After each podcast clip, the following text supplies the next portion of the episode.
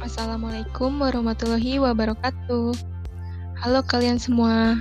Selamat datang di podcast D3 Administrasi Perkantoran Universitas Negeri Jakarta.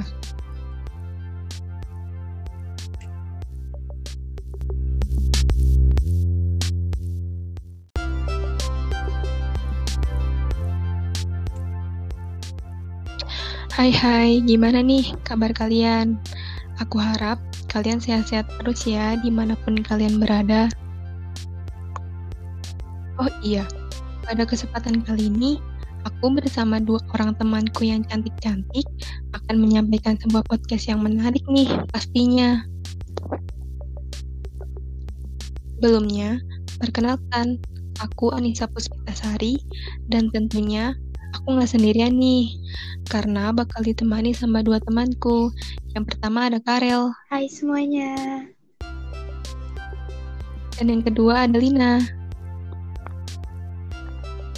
Halo. Gimana nih? Kalian berdua udah siap kan bawain podcast untuk teman-teman semua? Siap dong. Siap banget pastinya. Wah, keren nih, pada semangat semua. Nah, podcast yang akan kami bawakan yaitu tentang produktivitas kerja sekretaris. Oke, tanpa berlama-lama lagi, yuk kita masuk ke pembahasannya.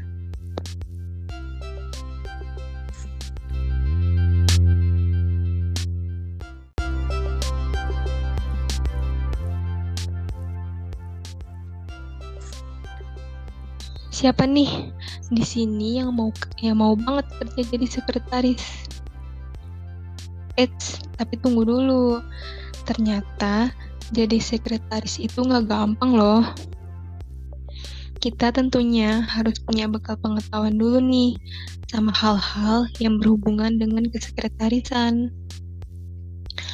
Tapi tenang aja teman-teman, karena di podcast ini kalian semua akan mengetahui lebih jauh nih mulai dari peranan sekretaris dalam sebuah perusahaan, sampai sikap-sikap apa aja sih yang harus dimiliki seorang sekretaris untuk menunjang produktivitas kerjanya.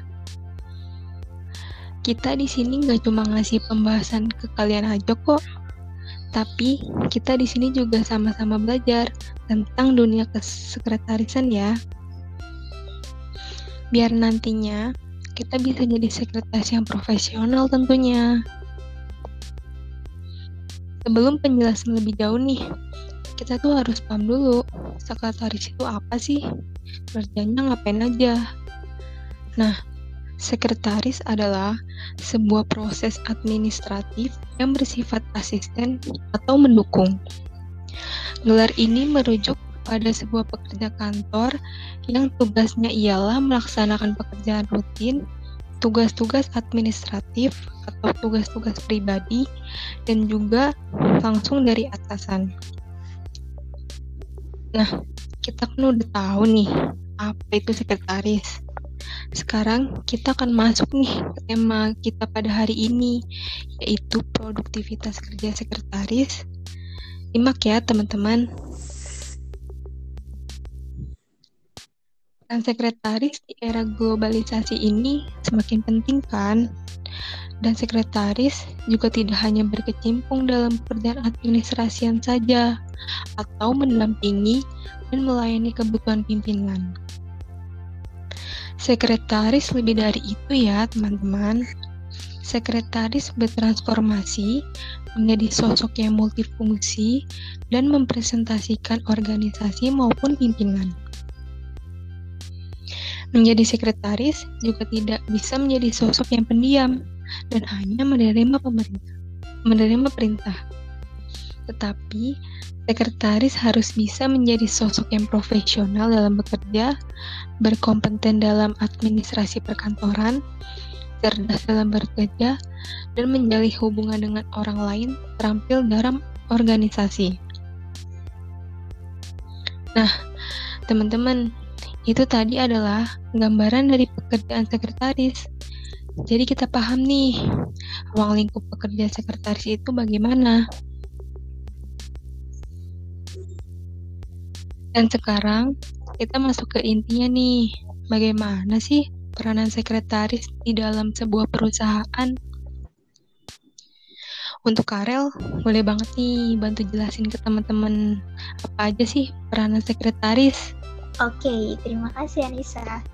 Jadi, sekretaris itu bekerja sebagai bertanggung jawab untuk mencatat dan mengatur jadwal pertemuan, menyiapkan, membantu, dan menyusun laporan, dan juga menjawab panggilan telepon, menjawab pesan, dan menangani surat atau korespondensi. Sekretaris telah berubah menjadi fungsi multifungsi dan memperkenalkan keterampilan organisasi dan kepemimpinan. Sekretaris saat ini tidak lagi hanya pendiam, apalagi hanya menerima perintah saja. Sekretaris sudah menjadi profesional dalam bekerja, kompeten dalam per, dalam administrasi perkantoran, mahir dalam bekerja, dan membangun relasi dalam sesama, mahir dalam memberikan solusi, dan berkomitmen untuk melayani semua pihak yang tertarik dengan organisasi. Dan juga nih, pekerja sekretaris harus memahami dengan baik segala kebutuhan tersendiri dan juga kebutuhan atasan atau pimpinan perusahaan dan juga mampu mendeskripsikan kebijakan atasan dalam penyelenggaraan pekerjaan. Untuk memainkan menjalankan peran penting sebagai sekretaris, perlu mendalami tentang aspek bisnis dari prinsip komunikasi yang efektif dalam hubungan bisnis dan juga perlu menguasai keterampilan manajemen yang memadai. Sekretaris harus memiliki keterampilan administrasi, manajemen, interpersonal, dan kooperatif. Dan juga harus cermat dalam mengambil keputusan agar pekerjaan dapat terlaksana dengan baik. Wah, keren banget nih jawaban Karel. Kita jadi banyak pengetahuan tentang sekretaris ya, teman-teman. Jadi tuh tanggung jawab sekretaris terdiri dari urusan catat-mencatat, menjawab telepon, menjawab pesan, serta menangani surat atau korespondensi. Oke, lanjut ya guys. Sekarang kita pengen tahu nih, apa aja sih produktivitas kerja sekretaris dalam mempengaruhi kinerja perusahaan boleh nih, Lina buat kasih penjelasannya, biar di sini kita nambah lagi ilmunya. Boleh banget dong. Sebelumnya, aku mau kasih tahu dulu apa itu produktivitas. Nah, produktivitas itu sendiri dibagi menjadi dua kata, yaitu produk dan activity, yang artinya kemampuan setiap orang, sistem, atau suatu perusahaan dalam menghasilkan sesuatu yang diinginkan dengan cara memanfaatkan sumber daya secara efektif dan juga efisien. Nah, dan untuk produktivitas sekretaris dalam mempengaruhi kinerja perusahaan itu ada beberapa faktor, yaitu yang pertama ada kepribadian diri sendiri yang masih dipimpin oleh sekretaris. Dan yang kedua, latar belakang pendidikan sekretaris yang tidak sesuai kebutuhan perusahaan. Yang ketiga, tidak dapat menyediakan lingkungan kerja yang baik dan nyaman. Keempat, sekretaris tidak dapat melakukan pekerjaan profesional sesuai dengan kebutuhan perusahaan. Dan yang terakhir, sekretaris tidak menggunakan sarana atau prasarana yang memadai. Wah, keren banget nih penjelasannya. Eh, tapi ada juga nih peranan sekretaris dalam menciptakan efisiensi kerja. Sebelumnya pengen kasih tahu dulu nih, kalau sekretaris itu mempunyai peranan yang sangat penting dalam membantu pimpinan untuk meningkatkan efisiensi kerja di dalam perusahaan. Nah, untuk penjelasannya akan dijelasin nih sama Karel. Oke, terima kasih Anissa. Nah, untuk peranan sekretaris dalam menciptakan efisiensi kerja, yang pertama itu ada sekretaris harus dapat memecahkan suatu permasalahan. Seorang sekretaris profesional harus memiliki sifat yang tanggap, sehingga apabila terdapat suatu permasalahan di perusahaan, baik itu permasalahan besar maupun kecil, Maka dari itu, seorang sekretaris harus dapat membantu pimpinannya dengan cepat, sehingga hasilnya menjadi lebih efektif dan efisien. Yang kedua, seorang sekretaris harus dapat menghemat tenaganya. Kenapa sih emangnya? Sebelumnya, kenapa sih orang seorang sekretaris harus menghemat tenaganya? Ya, karena sekretaris itu tangan kanannya pimpinan. Tentunya pekerjaannya sangat banyak sekretaris yang tidak efektif dalam bekerja tidak dapat mengatur waktunya, sehingga tidak bisa menghemat tenaganya. Yang ketiga, ada sekretaris harus mampu mengembangkan diri. Seorang sekretaris harus memiliki banyak metode untuk mengembangkan diri, salah satunya dengan cara membaca buku. Karena dengan membaca buku dapat mengetahui dan mendapatkan ilmu baru yang belum diketahui atau dikenali sebelumnya. Jadi, sekretaris tidak hanya bisa surat menyurat, telepon saja. Tapi harus pimpinan. Untuk yang sekretaris dalam menghadapi tumpukan surat. Sekretaris yang tidak efisien hanya akan fokus dengan tumpukan-tumpukan surat itu saja dan tidak memiliki kesempatan untuk mengerjakan pekerjaannya yang lainnya. Dan untuk yang kelima, sekretaris dalam mengatur waktu. Nah, ini penting banget nih buat seorang sekretaris harus bisa memanajemen waktunya dengan baik. Kenapa? Karena sekretaris itu akan banyak sekali hal yang harus dikerjakan. Jika sekretaris itu tidak bisa mengefisiensi waktu dengan baik, maka nantinya akan berantakan pekerjaannya. Seorang sekretaris harus mampu menganggap bahwa walaupun hanya satu menit, namun hal tersebut sangat berharga dan tidak pantas untuk dihamburkan begitu saja. Sekretaris harus dapat mempertanggungjawabkan waktunya untuk digunakan dalam kegiatan apa saja. Jadi guys, Peran sekretaris dalam menciptakan efisiensi kerja dalam perusahaan adalah yang pertama, mampu menghemat tenaga, mampu membantu memecahkan masalah suatu perusahaan, mampu mengelola surat, efisien akan waktu, mampu mengatur ruang kerja, serta mampu mengembangkan diri. Nah, jadi udah pada tahu kan teman-teman, apa aja sih produktivitas sekretaris dalam mempengaruhi perusahaan Wah, makasih Karel. Mantep banget nih penjelasannya. Jadi nambah deh pengetahuan kita. Ternyata banyak banget yang bisa kita pelajari lebih lanjut untuk bisa produktif menjadi sekretaris di dalam perusahaan. Dari yang mempengaruhi sampai cara mengatasinya. Selanjutnya nih, ada keterampilan yang dimiliki oleh seorang sekretaris. Nah, silakan Lina, boleh banget nih untuk memberi sedikit penjelasannya. Oke, baik. Jadi, aku akan menjelaskan tentang apa aja sih keterampilan yang harus dimiliki oleh seorang sekretaris. Sudah seharusnya dong seorang sekretaris memiliki keterampilan khusus untuk menunjang setiap pekerjaannya dan untuk meningkatkan produktivitas kerja. Karena seorang sekretaris dituntut untuk selalu melaksanakan semua pekerjaannya dengan teliti, cermat, serta bisa menyelesaikannya dengan tepat waktu dan juga berhasil. Nah, sekarang kita bahas satu-satu ya keterampilan yang harus dimiliki seorang sekretaris. Pertama, kemampuan dalam memanfaatkan teknologi. Teknologi yang semakin berkembang dan canggih, seperti saat ini sudah banyak membantu setiap pekerjaan seorang sekretaris pun harus bisa menggunakan teknologi yang canggih itu secara maksimal.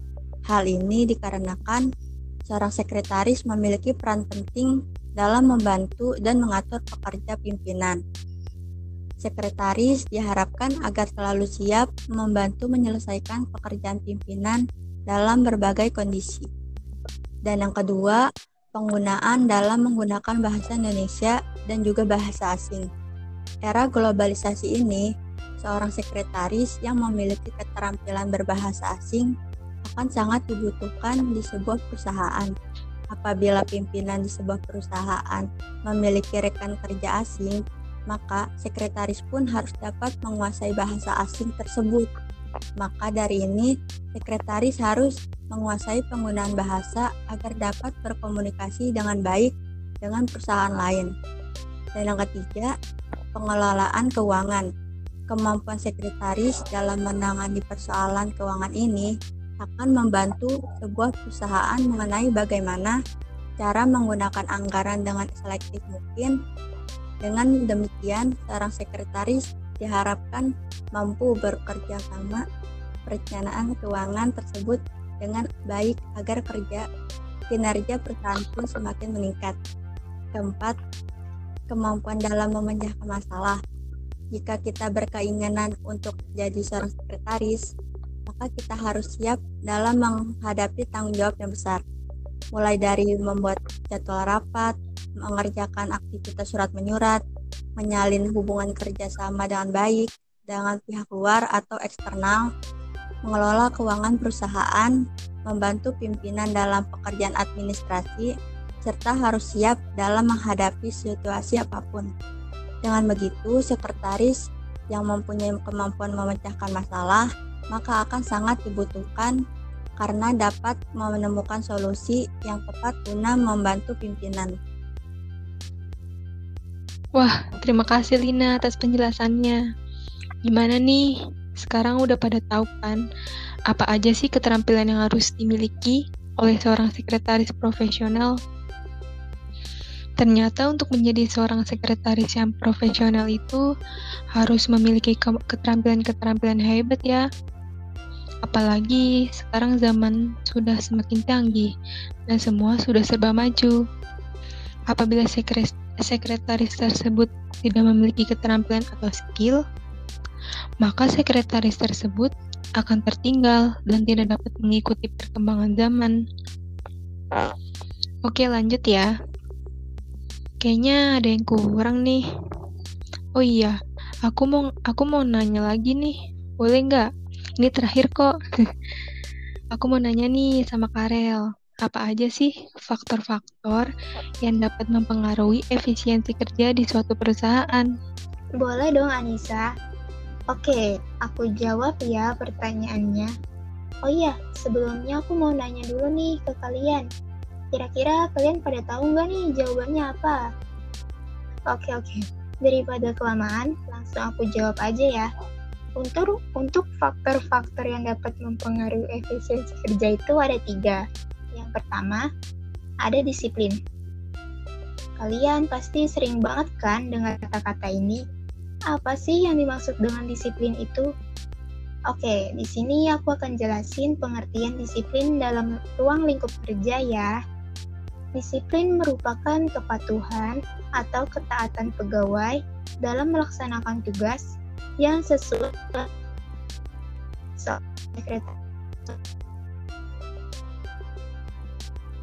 Nah, hal tersebut dapat meningkatkan efek efektif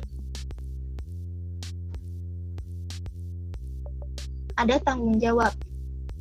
Dalam hal ini yang dapat diartikan dengan tanggung jawab merupakan kesanggupan seseorang sekretaris untuk menuntaskan pekerjaannya yang akan diserahkan kepada atasan dengan sebaik-baiknya, tepat waktu, dan berani menanggung resiko atas keputusan yang diambilnya. Dengan demikian, apabila seorang sekretaris memiliki rasa tanggung jawab, maka dapat meringankan pekerjaannya tanpa disadari seorang sekretaris yang tidak memiliki rasa tanggung jawab tidak akan dapat bekerja dengan serius, tidak memiliki inisiatif untuk membuat pekerjaannya menjadi lebih efektif, dan akan selalu menghindar apabila tindakannya mengandung resiko. Oleh karena itu, kita harus memiliki rasa tanggung jawab yang lebih ya terhadap apa yang telah kita lakukan. Jangan dibiarin gitu aja. Nah, untuk yang terakhir nih, ada etika kerja. Ternyata dalam bekerja itu juga harus memiliki etika ya. Kira-kira kalian pada tahu nggak nih etika kerja itu apa? Oke oke, aku jelasin ya. Etika kerja merupakan sesuatu perilaku serta tingkah laku dalam kehidupan sehari-hari, baik di dalam maupun di luar perusahaan. Nah, dalam melakukan tugasnya, sekretaris wajib melaksanakan tugasnya sesuai dengan norma yang terdapat dalam etika sekretaris. Seorang sekretaris juga diharapkan bisa menguasai isi etika serta bisa melakukannya dengan sebaik-baiknya guna meningkatkan kinerja dalam suatu perusahaan.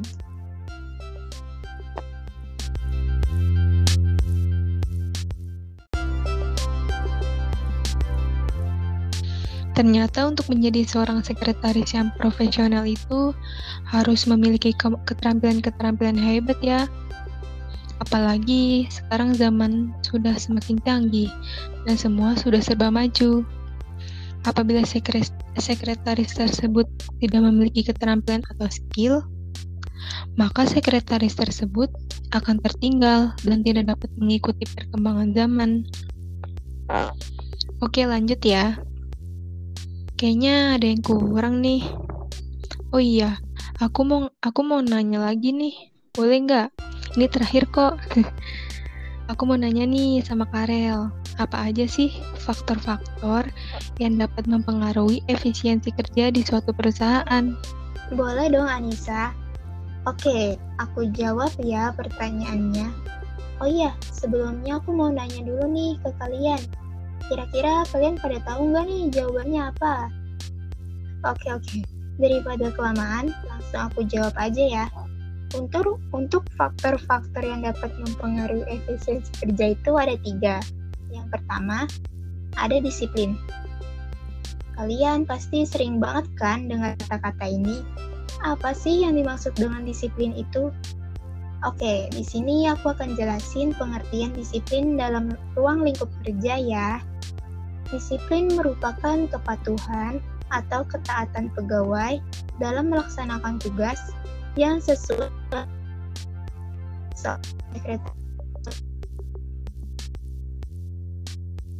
karena hal tersebut dapat meningkatkan efek efektif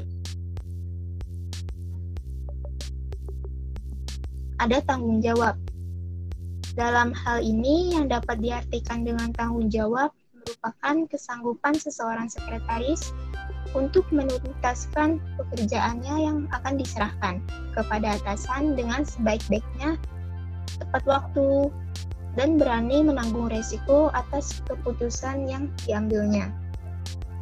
Dengan demikian, apabila seorang sekretaris memiliki rasa tanggung jawab, maka dapat meringankan pekerjaannya tanpa disadari. Seorang sekretaris yang tidak memiliki rasa tanggung jawab tidak akan dapat bekerja dengan serius, tidak memiliki inisiatif untuk membuat pekerjaannya menjadi lebih efektif, dan akan selalu menghindar apabila tindakannya mengandung resiko. Oleh karena itu, kita harus memiliki rasa tanggung jawab yang lebih ya terhadap apa yang telah kita lakukan. Jangan dibiarin gitu aja.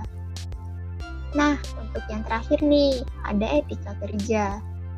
Ternyata dalam bekerja itu juga harus memiliki etika ya. Kira-kira kalian pada tahu nggak nih etika kerja itu apa? Oke, oke, aku jelasin ya. Etika kerja merupakan sesuatu perilaku serta tingkah laku dalam kehidupan sehari-hari, baik di dalam maupun di luar perusahaan. Nah, dalam melakukan tugasnya, sekretaris wajib melaksanakan tugasnya sesuai dengan norma yang terdapat dalam etika sekretaris. Seorang sekretaris juga diharapkan bisa menguasai isi etika serta bisa melakukannya dengan sebaik-baiknya guna meningkatkan kinerja dalam suatu perusahaan.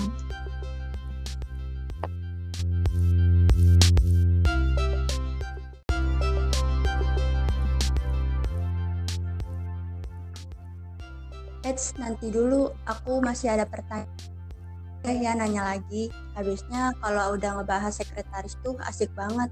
Jadinya aku penasaran deh. Oke, aku mau nanya. Apa aja sih karakteristik sekretaris yang profesional itu?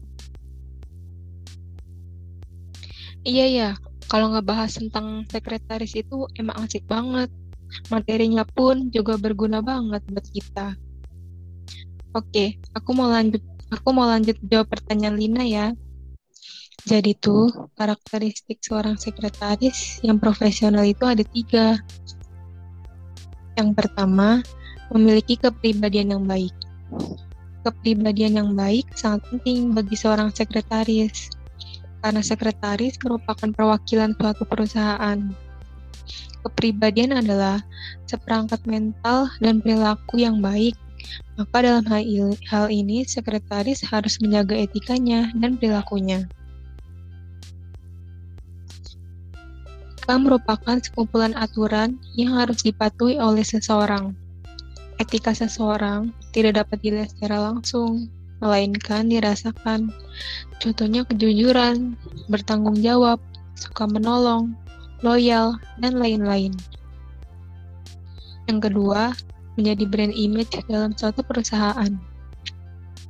Jika seorang sekretaris bisa membuktikan bahwa dirinya bisa menjaga kepribadiannya di depan umum dan menjaga nama baik suatu perusahaan, dapat diartikan bahwa sekretaris tersebut sudah profesional.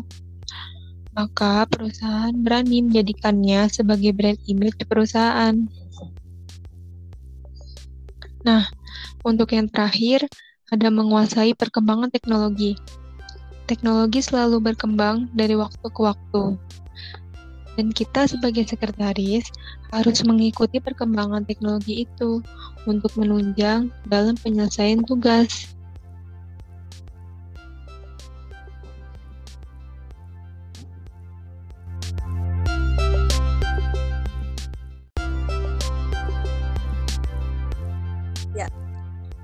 Wah, keren banget Anissa penjelasannya. Sekarang aku jadi semakin paham deh apa saja karakteristik sekretaris yang profesional.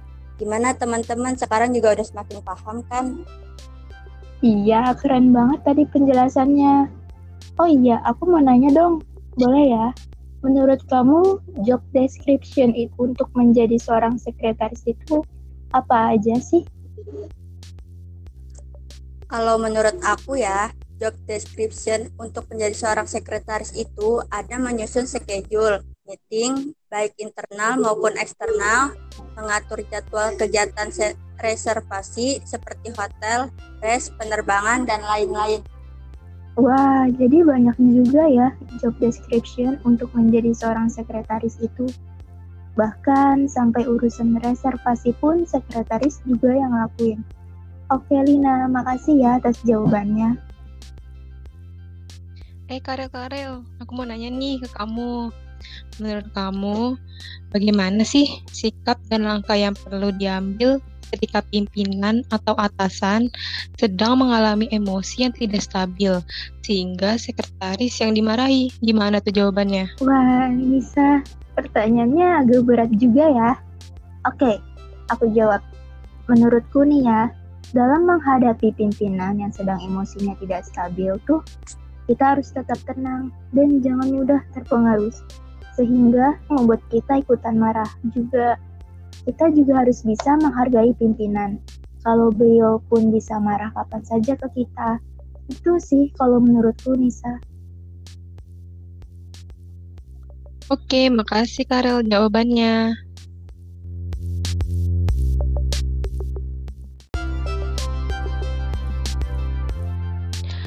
Oh, jadi begitu ya.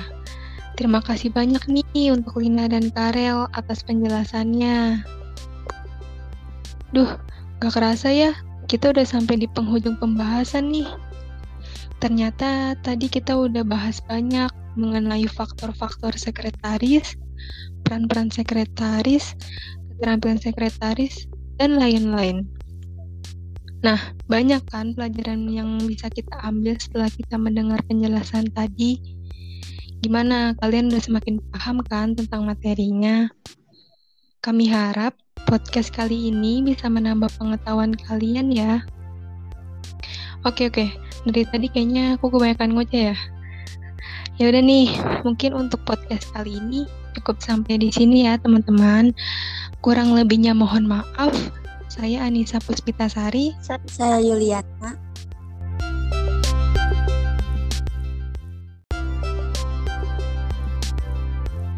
Kita Karolina Ramadan.